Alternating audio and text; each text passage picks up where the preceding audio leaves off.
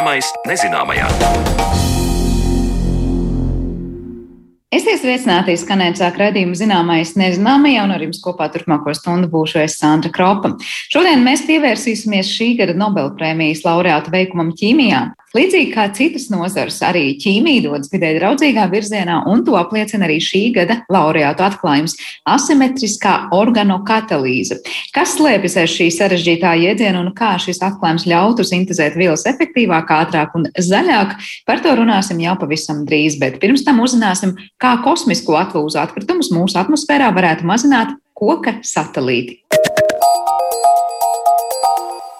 Par satelītiem parasti domājam kā par lielu izmēru aparātiem. Tajā pašā laikā pētnieki aizvien vairāk runā par to, kā samazināt Zemes orbītas piesārņošanu ar kosmosa atkritumiem, un par to esam iepriekš stāstījuši arī mūsu raidījumā. Taču satelīts var būt arī pavisam neliela izmēra koku kastīte, kas darbojas ļoti jaudīgi un vidē nenodara mazāko kaitējumu. Šādu koku satelītu uz Rīgu pavisam nesen atveda kāds Somijas jaunu uzņēmums, un par to plašāk klausieties Marionas Baltkalnas veidotajā ierakstā. No koka var būvēt laivas, mājas, darbarīkus, un no koka var tapt arī kosmosā sūtāms satelīts. Izstādē Latvijas Nacionālajā vēstures muzejā, kuras atklāšana un norise valstī izsludinātās mājasēdes dēļ gan atlikta uz vēlāku laiku, koka satelīts būs viens no apskates objektiem. Tam arī būs atvēlēta īpaša telpa ar kupolu, tādējādi vēl jo vairāk uzburot kosmosa sajūtu bet vēl pirms mājasēdes tikos ar Kristapu Cepli no biedrības Zaļās mājas, kurš palīdzējis attīstīt izstādes ideju, kā arī satelīta Vīza Vudsat projekta vadītāju un Somijas jaunu uzņēmuma Arktika astronautikas pārstāvi Jāri Makinenu. Līdz šim Somijā jau veikti testi ar koka satelīta palaišanu Zemes stratosfērā ar gaisa balonu palīdzību. Kad ārvalstu partneri uzrunāti padalīties ar savu veikumu izstādes nolūkos, uzreiz saņemta atsaucība. Tas tad arī mums ļauj plašāk iepazīstināt ar to, kas ir koka satelīts. Tālāk stāsta Kristaps Ceplis. Tā mēs esam nonākuši līdz tik tālam brīdim, ka mums ir šobrīd Rīgā atrodas satelīta modelis, kurš tika izmantots kā testa modelis tajā stratosfērā. Un Somija joprojām būvē priekš mums satelīta modeli, kas ir maksimāli pietuvināts tam satelītam, kurš tiks eh, šogad gada nogalē vai nākamā gada sākumā palaists eh, orbītā. Tas būs funkcionējošs satelīts ar kameru, kas strādā nu, visām lietām, kas ir vajadzīgas, lai viņi principā varētu palaist tajā gaisā. Man liekas, ka cilvēki Latvijā, lai arī mēs esam tāda meža zeme, kur mums vairāk kā puse ir meža, ka mēs nepiedodam maz zinām par to, kas koks ir, ko koks var dot mums, gan tautsēmniecībai, gan cilvēkam. Patiesībā nav tā, ka, ka mēs neko, jo nu, labi, šis ir somu ražots, bet produkts, no kā viņš ir izgatavots, ir bērns saplāksnis. Un arī Latvijā ir uzņēmums, kas ražo bērns. Mums ir trīs uzņēmumi, kas ražo, divi uzņēmumi, kas ražo saplāksni, viens, kas vēl finieru ražo. Respektīvi, e, mums ir viss potenciāls izmantot šīs zināšanas. Mēs esam šeit pašā patiesībā tādā nu, spicē, tajā kosmosa izpētes spicē, arī paši latvieši. Plus mums tā, pateicoties muzejam, netīšām sanāca, ka mums arī ir tie e, cilvēki, Somija šajā gadījumā, kuri arī reāli jau laidīs koku satelītu pirmo pasaulē uh, orbītā, ka viņi arī tagad ir pie mums. Man likās vienkārši tāds wow, forši. Tālāk mūsu sarunā iesaistās Jari Makinēns no Somijas, kurš skaidro, stratosfērā palaistais koka satelīts apvienojas vairākas līdzinējās idejas un pieredzes. Arī Somijā organizēta izstāde, ļaujot apmeklētājiem tās ietvaros izveidot satelītu, un tas guvis tik lielu atsaucību, ka Jāri kopā ar kolēģiem saņēmuši aicinājumus veidot satelītus mācību nolūkiem skolās un zinātnes centros. Šis savukārt rosinājis arī viņiem pašiem domāt vēl tālākos kosmosa apvāršņos, turpina Jāri Makinens. I have been thinking for a long time that yes, we got to do something in space with wood as well. And we sent already in 2017 a little cube to stratosphere, just partly for fun, but partly to see how it reacts over there. And uh, it came back uh, intact. So it, it, supported quite well this very short visit to the stratosphere. And after that we got a little bit. Es ilgu laiku biju domājis, jā, mums vajadzētu kaut kā izmantot koku arī kosmosā. Jau 2017. gadā mēs nosūtījām mazu kubveida satelītu stratosfērā, daļēji prieka pēc, daļēji, lai redzētu, kā tas stratosfērā reaģēs un tas atgriezās atpakaļ neskarts. Tātad tas diezgan labi izturēja šo neilgo atrašanos stratosfērā. Pēc tam mēs tam piegājām nedaudz nopietnāk, radījām dažādus modeļus un izmēģinājumus no saplākšņa, no dažādiem kokiem, bet tā joprojām bija ideja mūsu prātos līdz pagājušā gada decembrim, kad ieraudzījām kādu rakstu. Tajā bija vēstīts, ka Japānā esot reāls plāns kosmosā sūtīt koka satelītu. To bija paredzēts darīt 2023. vai 2024. gadā. Mēs domājām, kāpēc gan gaidīt tik ilgi? To varētu izdarīt daudz agrāk. Un mēs arī manījām, ka Japāņu koncepts nav tik labs, jo mums jau bija idejas, kā mums vajadzētu veidot koka satelītus. Un tāpēc mēs ātri sapratām, ka varam ļoti vienkārši uzlabot savu mācību nolūkos izstrādāto satelīta modeli, lai radītu kosmosa misijām paredzētu versiju. Sapratām, ka izmantosim visu savu līdzinējo pieredzi ar koku, un pamatā viss, kas mums nepieciešams, ir finanses. Piezvanījām Somijas kokrūpniecības koncernam UPM, kas izrādīja ļoti lielu interesi par šo projektu. Ne tikai publicitātes dēļ, jo, protams, pirmais koka satelīts izpelnītos lielu publicitāti pasaulē, bet arī tāpēc, ka koncerns visu laiku vēlas attīstīt koka, tostarp saplākšņa izmantošanu. Viena lieta, ko koncerns nekad iepriekš vēl nebija veicis, bija saplākšņa sūtīšana kosmosā. Viņi bija par to domājuši. Tad mēs ar viņiem sazinājāmies, viens otru atradām, un aprīlī oficiāli tika uzsākts projekts. Pēc tam sākām radīt satelīta dizainu, saprast, kādi paneļi mums nepieciešami, kuras satelīta detaļas veidosim no koka. Saskaņā ar mūsu pieredzi visu satelītu pilnībā nevar veidot no koka, te jāņem vērā arī citi kritēriji, piemēram, Sliedēm satelīta malās jābūt no metāla, jo tas tiks palaists no raķetes, no konteinera ar metāla daļām, Un, ja mēs satelīta sliedes veidojam no koka, tad pastāv risks, ka satelītu nebūs iespējams veiksmīgi palaist no raķetes. Mm.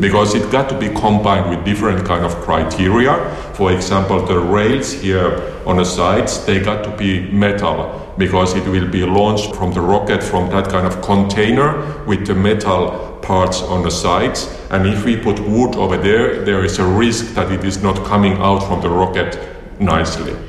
Satelīta izstrādes laikā Jāri ar kolēģiem kontaktējušies arī ar Eiropas kosmosa aģentūru, kas līdz šim jau veikusi daudz pētījumu par biomateriāliem kosmosā bijis daudz nianšu, ko izpētīt, lai satelītu kosmosa apstākļos izgatavotu izturīgu.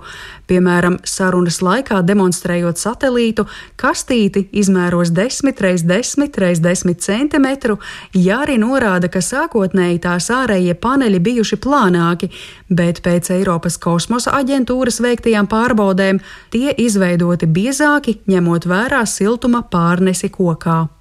Another thing that has been also interesting is so that it is not only this wooden satellite, it is really how we measure the behavior of the wood, how we survey it over there.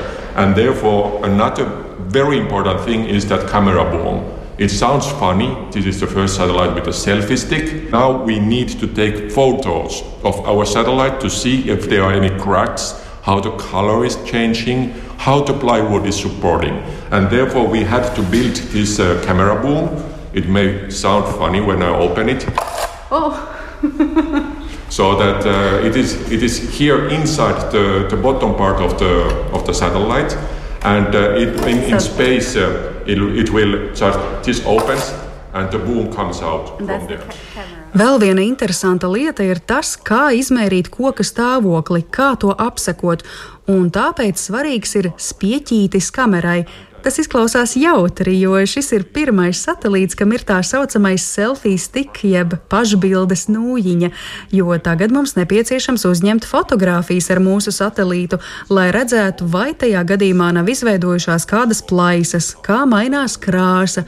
Tāpēc mums bija vajadzīgs iebūvēt šādu spieķīti kamerai, kas ar smieklīgu skaņu izlec ārā no satelīta apakšējās daļas.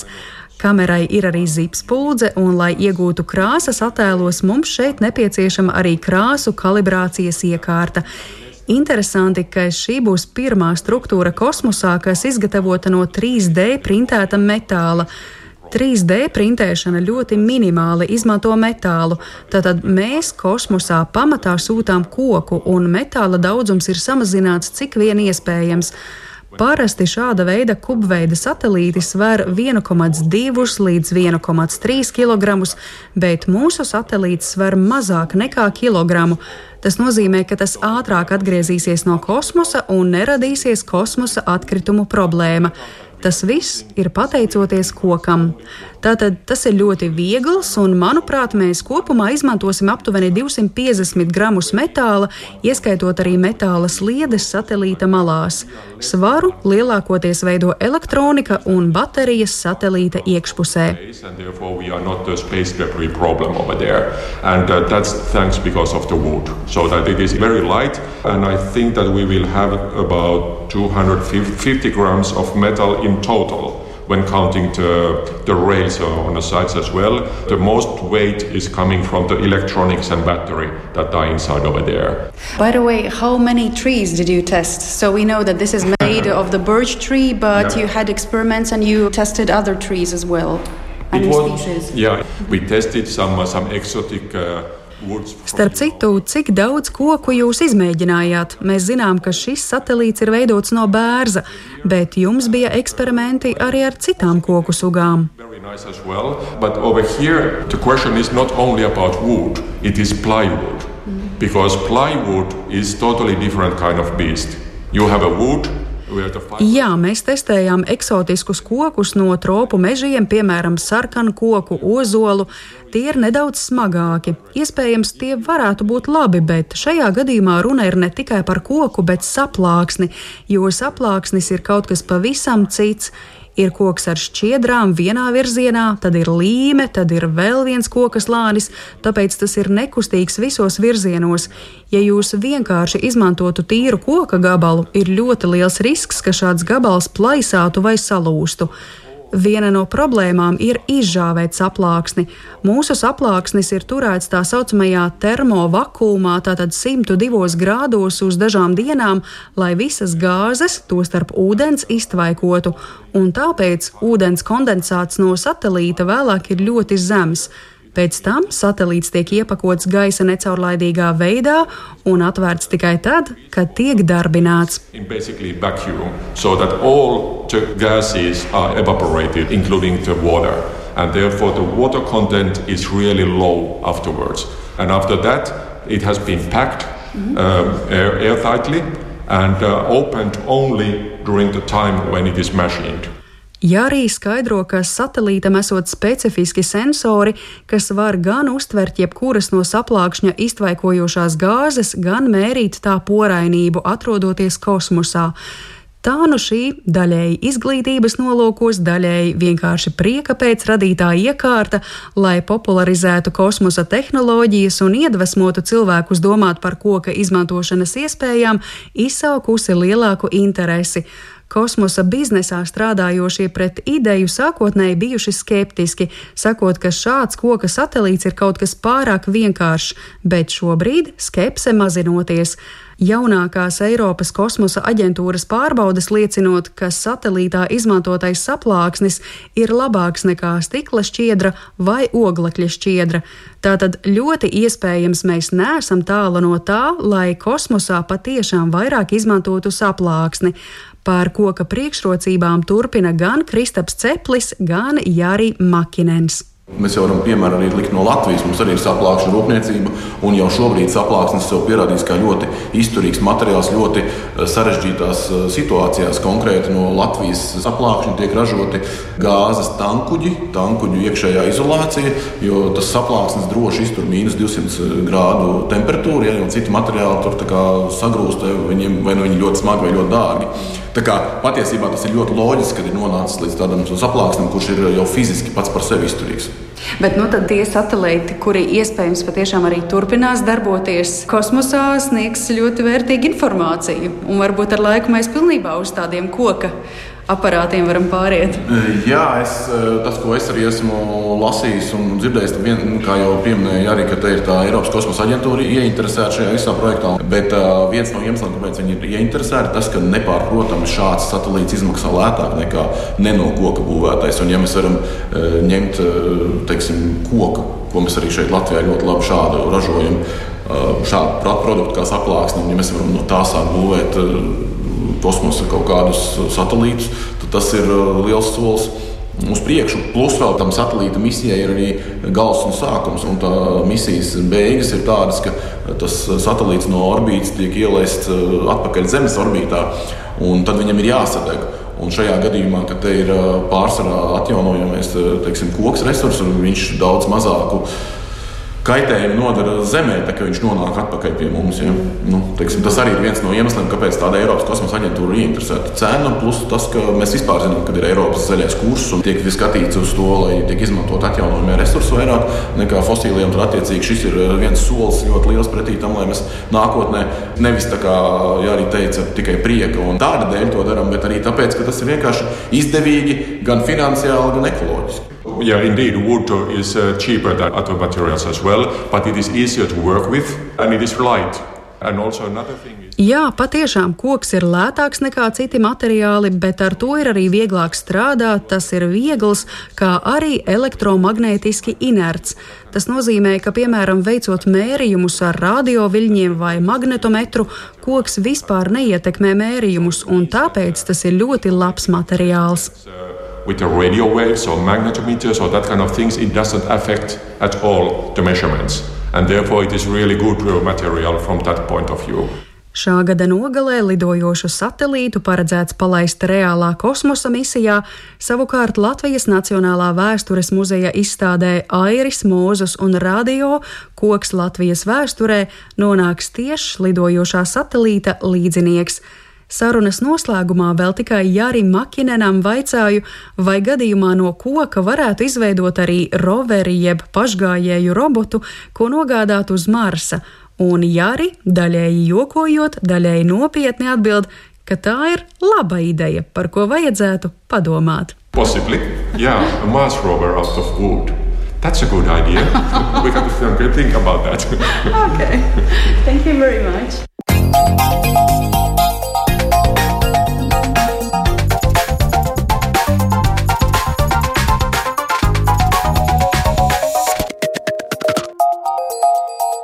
Zināmais nezināmajā.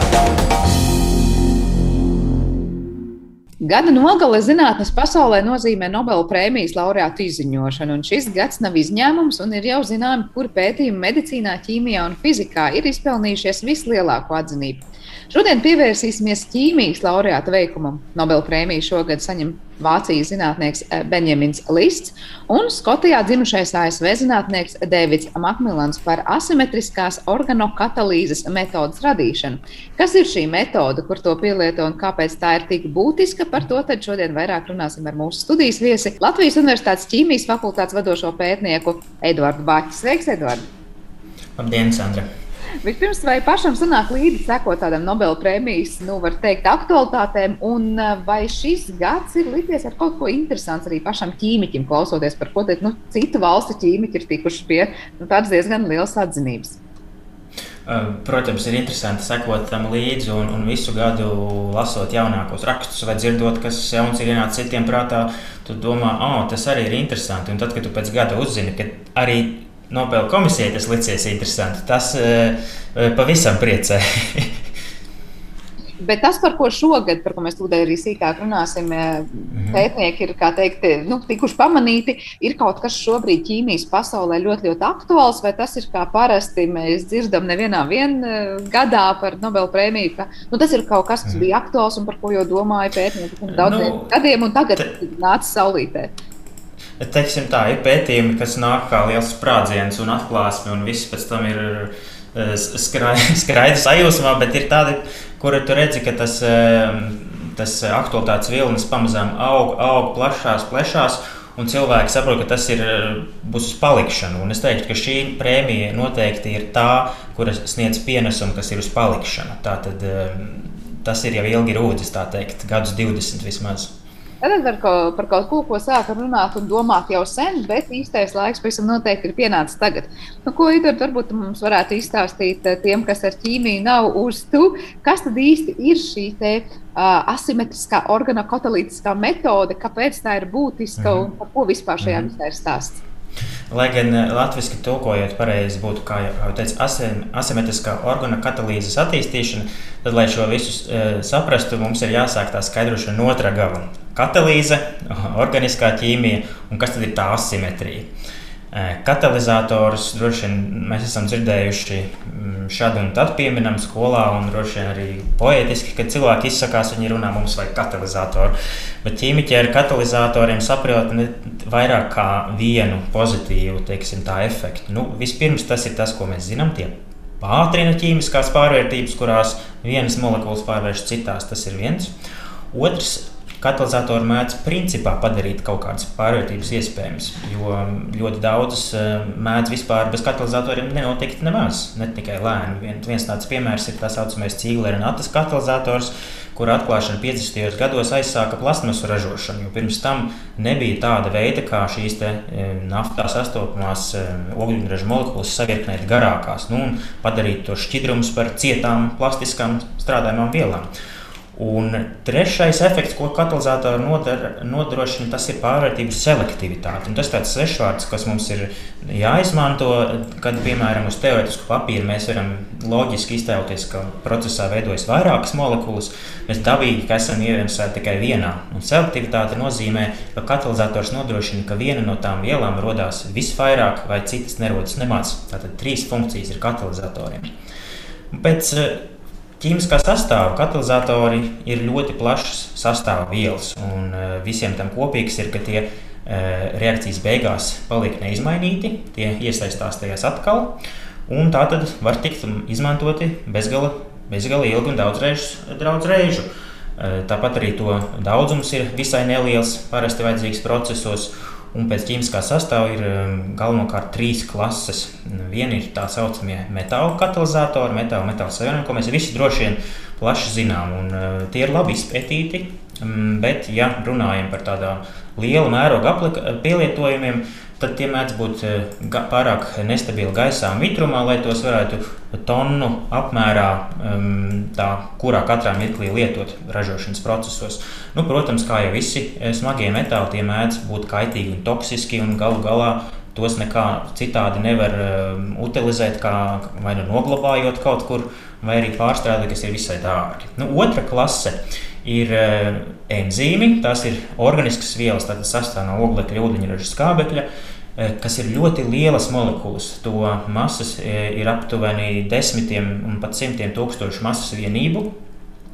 Un tās eh, enzīmi ir ļoti sarežģītas vielas, kuras eh, tāpēc mēs izolējam no dzīviem organismiem. Mēs paši enzīmus ļoti viegli nespēsim sintēzēt. Mums nu, tam nepietiks laika. Savukārt māte daba to ir iemācījusies jau miljonus gadu laikā izdarīt spīdoši un ar ļoti mazu kļūdu skaitu. Nu, arī enzīmi katalizē ķīmiskās pārvērtības, taču galvenokārt tās ir tās, kas ir svarīgas dzīvības procesu nodrošināšanai. Tad, ja varu sekundīt, tad tas nozīmē, ka tādi enzīmi kā katalizatori, kas ir katalizatori enzīmi, ir mūsos katrā jau dabā ielikti un jebkurā dzīvā organismā tie patiesībā ir patiesi. Patiesi uh, ir apmēram 3000 dažādu enzīmu, kas nodrošina bioloģiskās pārvērtības, un katrs dara izcili savu vienu lietu. Viņš ir eksperts savā jomā. Uh, Bet tad, kad mēs viņus mēdzam iznest ārā no tās dzīvās vidas un pakļaut tādiem apstākļiem, kuros ķīmiķi ir iemācījušies strādāt pēdējos 200-300 gados, enzīmi tik labi nejūtas. Tie zaudē aktivitāti augstākās temperatūrās, tie tāpat uh, slikti sadarbojas ar organiskiem šķīdinātājiem, kurus mēs no ražošanas pilnībā izslēgt nekad nevarēsim. Uh, bet tad ir tā trešā grupa - organokatalizatori, jeb organiskie katalizatori, kas no enzīmām atšķiras eh, mazliet ar to izmēru. Proti, tās ir arī organiskas vielas, taču ar mazāku masu, 200 līdz 300 masas vienības. Un praktiski eh, ļoti daudz organokatalizatoru arī šobrīd jau ir parastā laboratorijas plauktā. Tās ir aminoskābes. Nu, un arī tie mēdz, kā jau teicu, jau 20 gadu laikā ir parādīts, tīri labi veikt šīs ķīmiskās pārvērtības. Bet es gribētu pirms tam pavisam nedaudz pieminēt divus tipiskus katalīzes veidus, ko mēs katrs zinām, un šobrīd ar tevi sarunāties, mēs abi tos veicam. Proti, mūsu organisms ražo tā saucamo ūdeņraža peroksīdu, jeb ūdeņraža pārskāpi, kas ir atkrituma viela un ārkārtīgi bīstama mūsu šūnām. Un ir tāds enzīms kā katalī, katalāze, kas nodrošina, ka šis ūdeņraža peroksīds momentāli sadalās. Mēs viņu varam sadalīt arī ārpus organisma. Ar, ar kaut kādiem metāla katalizatoriem, vai arī sildot, vai apstarojot ar saules gaismu. Taču mūsu organismā tas notiek desmit miljonus reižu ātrāk nekā dabiski tas notiktu bez katalizatora. Un otrs katalizators, ko mēs katrs noteikti esam dzirdējuši, ir šis katalītiskais konvertors, kas pārvērš izplūdes gāzes mazāk kaitīgos produktos automašīnās. Bet nu, neviens katalizators nav universāls, un te mēs nonākam pie tās selektivitātes.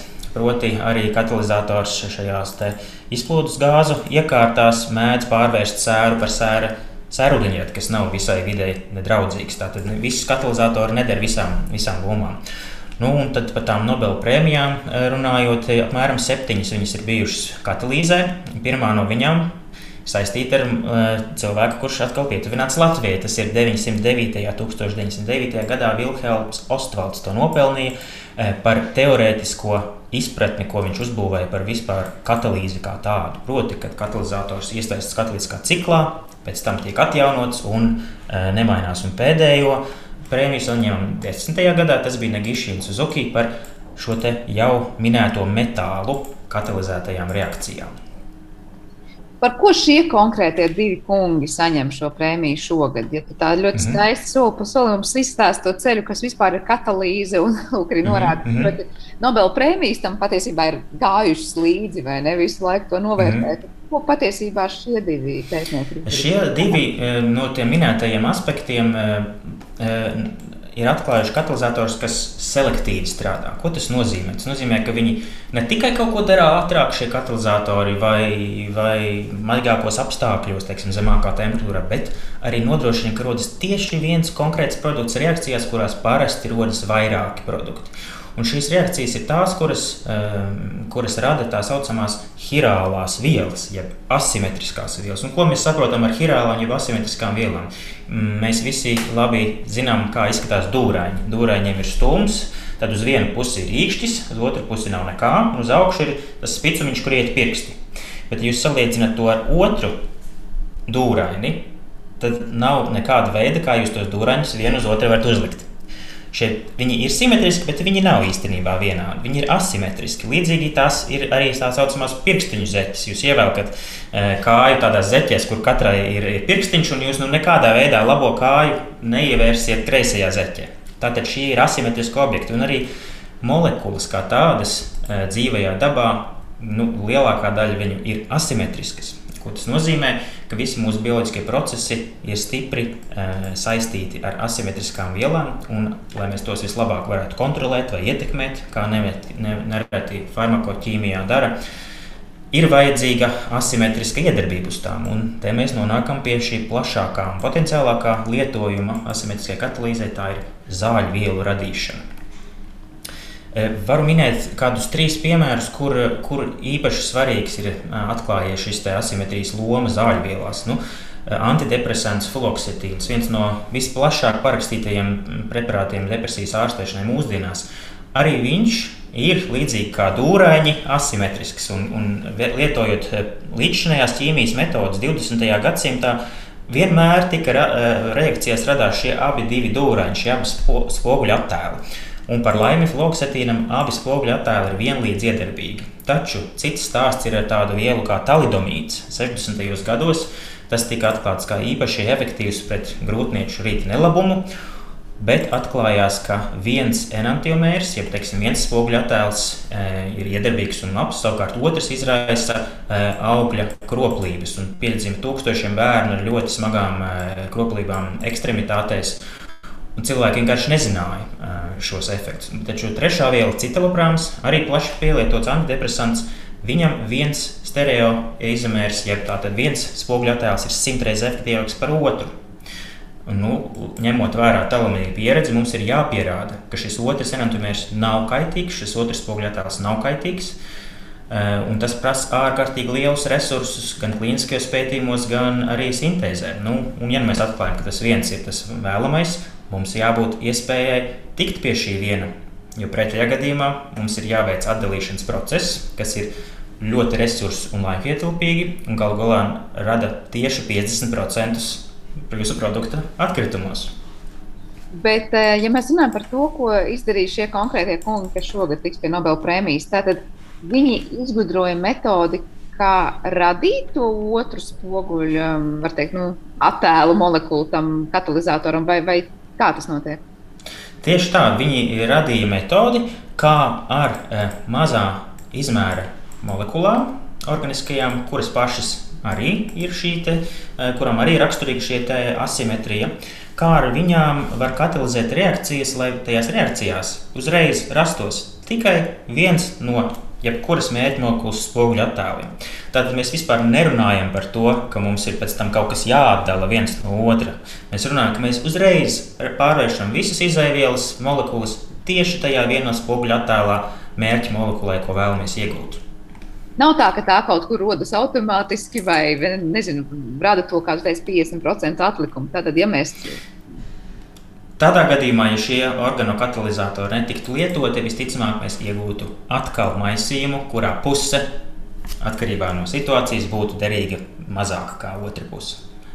Tu pieminēji šo pielietojumu par farmāciju, runājot, ka, tad, nu, protams, zāļu radīšana laikam ir nu, top nezinu, joma, kurā šie katalizatori sevi piesaka, vai, vai ir vēl arī citas, kurās patiesībā mēs ik uz soļa ar to sastopamies mūsdienās? Um. Tātad, jebkas, kas ir saistīts ar dzīvajiem organismiem, noteikti, vai tā ir farmācija vai, vai, kādi, vai kāda biotehnoloģija, tajā visā noteikti šim ir uh, iespējams uh, pielietojums. Uh, bet arī daudz citas tehnoloģijas mēdz lietot vielas, kuras ir ar šo spoguļu attēlu dabu iespējamo. Tādas ir vielas, kas iedarbojas ar gaismu, un proti šīs saules enerģijas pārvēršanas tehnoloģijas.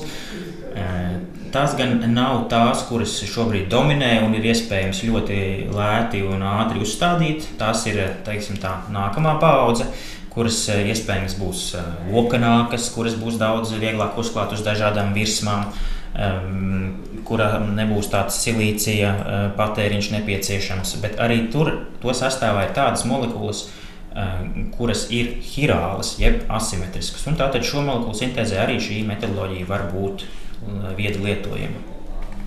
Tas nozīmē medikamentu radīšanā, saules paneļu, dažādu pārklājumu arī radīšanā. Ja tas būtu tas, kas noteikti sevi piesaka un pieteiks vēl vairāk, bet nu, šobrīd arī medikamenti jau tiek izstrādāti. Tas nozīmē, ka ar šīm molekulām, šiem katalizatoriem jau notiek šī, šī darbošanās, vai tas ir kaut kas tāds, kas tikai ar vien vairāk, vairāk tiks attīstīts? Nu, būtībā, kā, kā izteicās viens no profesoriem, komentējot šī gada balvu, ar šo balvu, ar šo tu, ie, rīku mēs esam e, visā šāda spēlē ievietuši jaunu figūru. Proti, jaunu figūru, kas spēj darīt vairāk.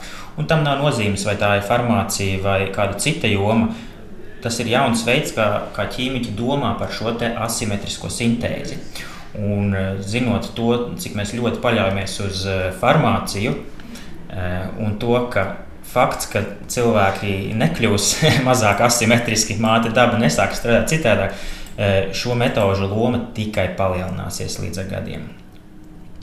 Bet ar tevi mēs esam runājuši kādos citos raidījumos par tā saucamo zaļo ķīmiju, proti, kā strādāt šobrīd vienalga radot pārklājumus, audumus un daudz ko citu.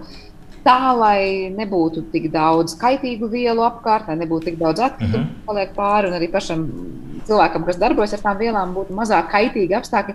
Vai tu saredzi arī šie konkrētie minētie katalizatori ir tie, kas palīdzētu radīt, nu, jebkurā nozarē vielas, kas ir vajadzīgas, bet, kā tu pats minēji, būtu mazāk atkritumu. Un, protams, tā ir tā zaļās ķīmijas eh, virziens, kurā tas eh, tiks ļoti likt lietā.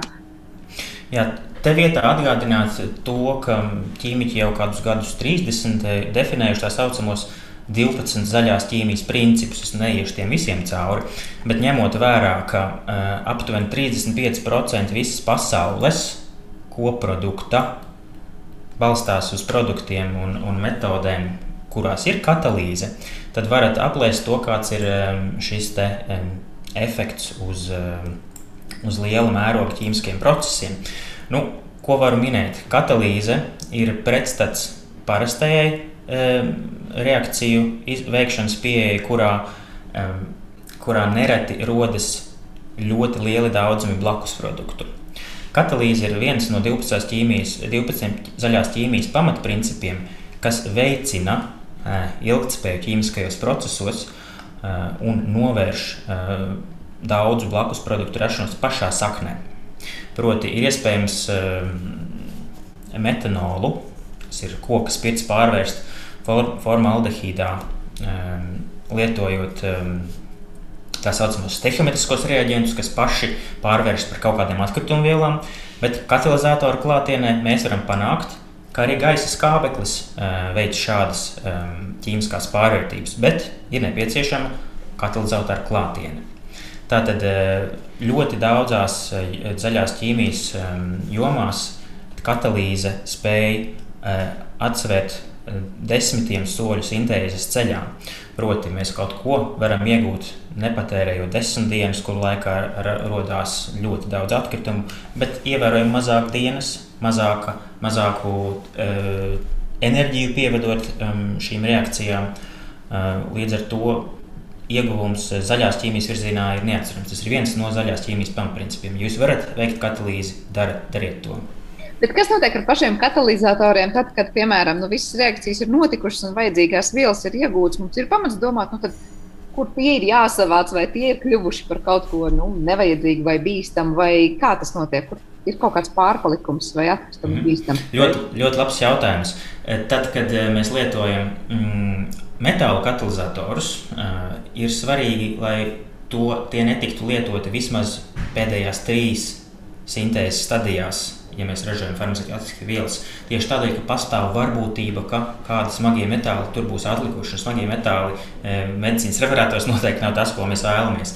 E, savukārt, ideālā pasaulē katalizatori strādātu neskaitāmu ciklu skaitu. Tātad viena katalizatora molekula iesaistītos bezgalīgi daudz ciklos. Nu, neapšaubām tā, tā, tā nav realitāte, un, un pēc daudziem tūkstošiem ciklu viena katalizatora molekula iet bojā. Nu, ja tie ir metālu katalizatori, tad visbiežāk notiek to savākšana. Vai nu reģenerēšana, kas mēdz būt dārgs un komplicēts process, jo katalizatori ir ļoti daudz. Un, lai arī tos pārvērstu atpakaļ izēvielās, no kurām ražot katalizatorus, tie procesi nav tik ārkārtīgi plaši, lai to, lai to izdevīgi varētu darīt. Un tad ir variants, kad mēs šos smagos metāla katalizatorus gluži vienkārši noglabājam. Savukārt eh, ar organokatalīzatoriem, ar tiem, par kur ir šī gada Nobela prēmijas laureāti, tajos metāli pēc definīcijas neietilpst. Tajos ietilpst tās pašas molekulu eh, atomi, eh, elementi, no kuriem sastāvam mēs. Tas ir ogleklis, ūdeņradis, slāpeklis, varbūt fosfors un sērs dažos gadījumos. Un tad ar šiem mēs varam tikt galā kā ar parastiem ķīmijas atkritumiem, nu, kas, protams, vissliktākajā gadījumā, ja mēs neko nevaram izdarīt, tā ir sadedzināšana. Un tomēr tas e, ievērojami vien um, draudzīgāk nekā pēc tam cīnīties ar šiem smagajiem metāliem. Jā, tad vēl vienreiz e, pierādījums tam, ka katalizatora un zaļā ķīmija ir roku rokā saistītas lietas, un par to droši vien mēs runāsim vēl daudz un dikti, un dzirdēsim daudz un dikti. Bet nevēl tu piesauc Vilhelmu Ostpaldu patiesībā kā pirmo nu, to cilvēku ar Latviju nedaudz saistīto, kas ar katalizatoriem saistītus jautājumus ir sācis risināt un dabūjis par to Nobela prēmiju. Varbūt jūs varat ieskicēt, kā vispār ķīmijas pasaulē nu, pēdējā gadsimta laikā pati ideja un zināšanas par katalizatoriem ir attīstījušās. Vai šobrīd var teikt, ka nu, pašu zinātnieku vidū tā ir joma, par kuru vēl jūs gaidat paši daudz pārsteigumus un atklājumus? tā ir kaut kas, kas līdzīgi kā par tehnoloģijām mēs runājam, mēs nevaram salīdzināt, kas bija pirms desmit gadiem un kas būs vēl pēc desmit gadiem, kad attīstība notiek nu, prātam neatturamā ātrumā. Vai savukārt tā ir tāda klasika, kura teikt, to solim sevi tikai piesaka?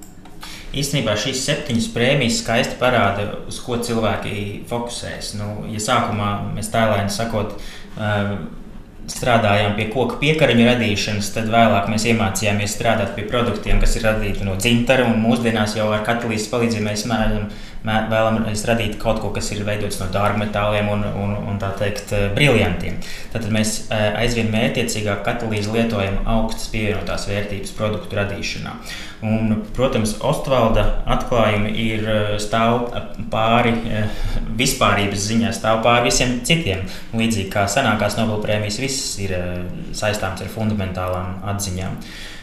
Tad Šī pārējais metāla katalīze, kas tika atklāta aptuveni 2010. gadā, ko es minēju, iepriekšējā katalīzes Nobela prēmija, arī bija savā ziņā ļoti liela revolūcija, jo cilvēki beidzot izprata šos metālu katalizēto reakciju mehānismus un to, ko ar šīm zināšanām viņi var pasākt.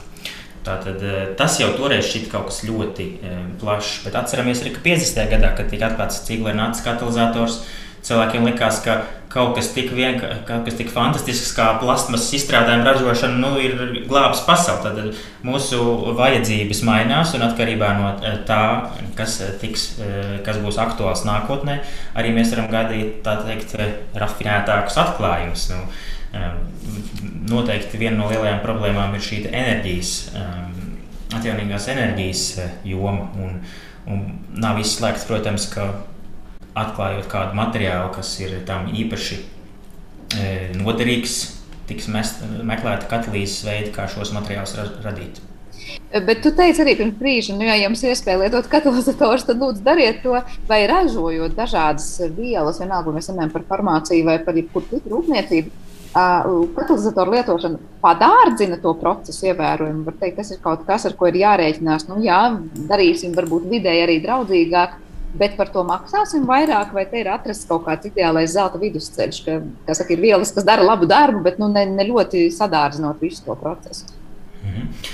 nu, es teiktu, ka sadārdzināšana rodas um, divu um, iemeslu dēļ. Viens no tiem iemesliem ir augsts enerģijas patēriņš. Um, Tas var būt gan, gan teiksim, dārgi reaģenti, gan lielas, ilgas darba stundas, kas ir nepieciešamas, laiks, kurā reaktors tiek turēts pilns, jo viņam kaut kas ir jādara desmitiem dienu vai, vai, vai, vai nedēļas. E, tas ir viens, un otrs e, dārdzības e, aspekts ir tieši šis vides ietekmes jautājums. Un, ja mēs varam ar katalīzes līdzdalību saīsināt gan laiku, tad līdz ar to mums ir jāizlaiž ievērojami daudz soļu, kuri tāpatās būtu krietni dārgi gan no vidas, gan no, no šī otra um, aspekta. Tad es teiktu, ka katalīze risina abus šos te, uh, problēmu jautājumus reizē, vienlaikus. Ļoti ilgspējīgs risinājums. Uh, noslēdzot pamazām šo sarunu vēl par šiem kungiem, kas saņem šo prēmiju, es saprotu, viņi ir strādājuši viens no otra neatkarīgi pie šā visa, vai tas ir tāds kopdarbs daudzu gadu garumā, un tad nu, kopīgi arī saņemts novērtējums. Proti, vai pasaulē ir daudz tādas atsevišķas vienības zinātnieku, kas katrs par sevi strādā pie vieniem un tiem pašiem jautājumiem šajā kontekstā? Vācija ir ķīmijas dzimtene, tā, tā pieņems pie mums Eiropā uzskatīta. Un, uh, Vācijā arī daudz institūtu, kas īpaši vēsturiski ir nodarbojušies ar naftas produktu pārvēršanu citos produktos, katalīzes veidā. Tad tur ir stipri priekšnosacījumi tam bijuši. Eh, bet arī šī Nobela prēmija nav izņēmums, un abi kungi, cik esmu klausījies, lasījis un interesējies, ir šo, šīs idejas attīstījuši neatkarīgi. Piemēram, eh, Lista kungs ir profesors Lists strādājis līdzīgā novirzienā kurā viņš mēģinājis enzīmus eh, teikt, pielāgot ķīmiķu vajadzībām, lai tie darītu tādas pārvērtības, kas varbūt nav dzīvībai svarīgas, bet ir svarīgas mums kā cilvēkiem ikdienā. Un viņš ir iedomājies, kādēļ gan vajadzētu lietot visu šo komplekso desmitiem tūkstošu masas vienību smago Eh, molekulu enzīmu. Šeit, kāpēc gan es nepaņemšu to vienu mazāko fragmentiņu, kas pats arī par sevi ir šis asimetriskais fragmentiņš, aminoskābi? Un viņš novēroja, ka līdzīgi kā 70. gados bez ievērības palikušais uh, novērojums, um, arī viņš spēja panākt, ka rodas vairāk viena spoguļa attēla reakcijā, kur uh, rodas asimetriskas vielas nekā otra. Uh, Tātad tas nav radies uh, abiem kopā strādājot, un bieži vien cilvēki domā, kādēļ cits, cits jau kāds droši vien to būs iedomājies. Un tas tieši ir profesora Lista gadījums. Viņš teica, Droši vien kāds jau to būs izdarījis. Un, nu, dienu viņš atrada norādes, ka, ka tas ir kādreiz 70. gados bijis kādam prātā ienācis, bet, bet tā arī palicis bez ievērības. Otrs profesors strādāja neatkarīgi, mm, cik es zinu, Amerikas Savienotajās valstīs. Bet, protams, jo abu pienesums šai jomai ir gana liels, un, un neviens nekad nespēja, nespēja atdalīt, kur ieguldījums ir lielāks par otru. Kā nav gluži tā, ka kolēģis, kas strādājas ar otru kolēģi plecu pie pleca, kopīgi dala šo panākumu. Patiesībā neatkarīgi centieni ir vainagojušies ar vienu to pašu uzvaru. Eh, vai Latvijā arī ķīmiķi jūs strādājat pie katalizatoru izstrādes, un ko tieši jūs darat? Jā, šī Nobela prēmija, varbūt atšķirībā no iepriekšējām ķīmijas prēmijām, ir izcils uzskats par plecu ķīmiķiem. Ja mēs zinām, ka pēdējā laikā nu, tiek uh, ļoti daudz prēmijas dalītas starp virzieniem, un tur varbūt nevar izšķirt, tā ir bioloģija vai ķīmija. Tas nav slikti, tā ir vienkārši realitāte. Tad šī prēmija ir e, īpaši svarīga tieši ķīmiķu kopienai, un e, tas ir jauns instruments, instrumentu kastē ķīmiķiem, kas rada molekulas. Organiskās sintēzes institūtā Latvijā ir vairākas pētnieku grupas, kas arī strādā pie asimetriskās organu katalīzes jau vairākus gadus, un patiesībā sakot, ar, ar viņu iesaisti arī abi Nobelprēmijas laureāti ir savulaik viesojušies eh, Latvijā. Tas ir 19. gadā eh, profesors Lists un 2004. gadā arī Makmilans ir viesojušies Rīgā.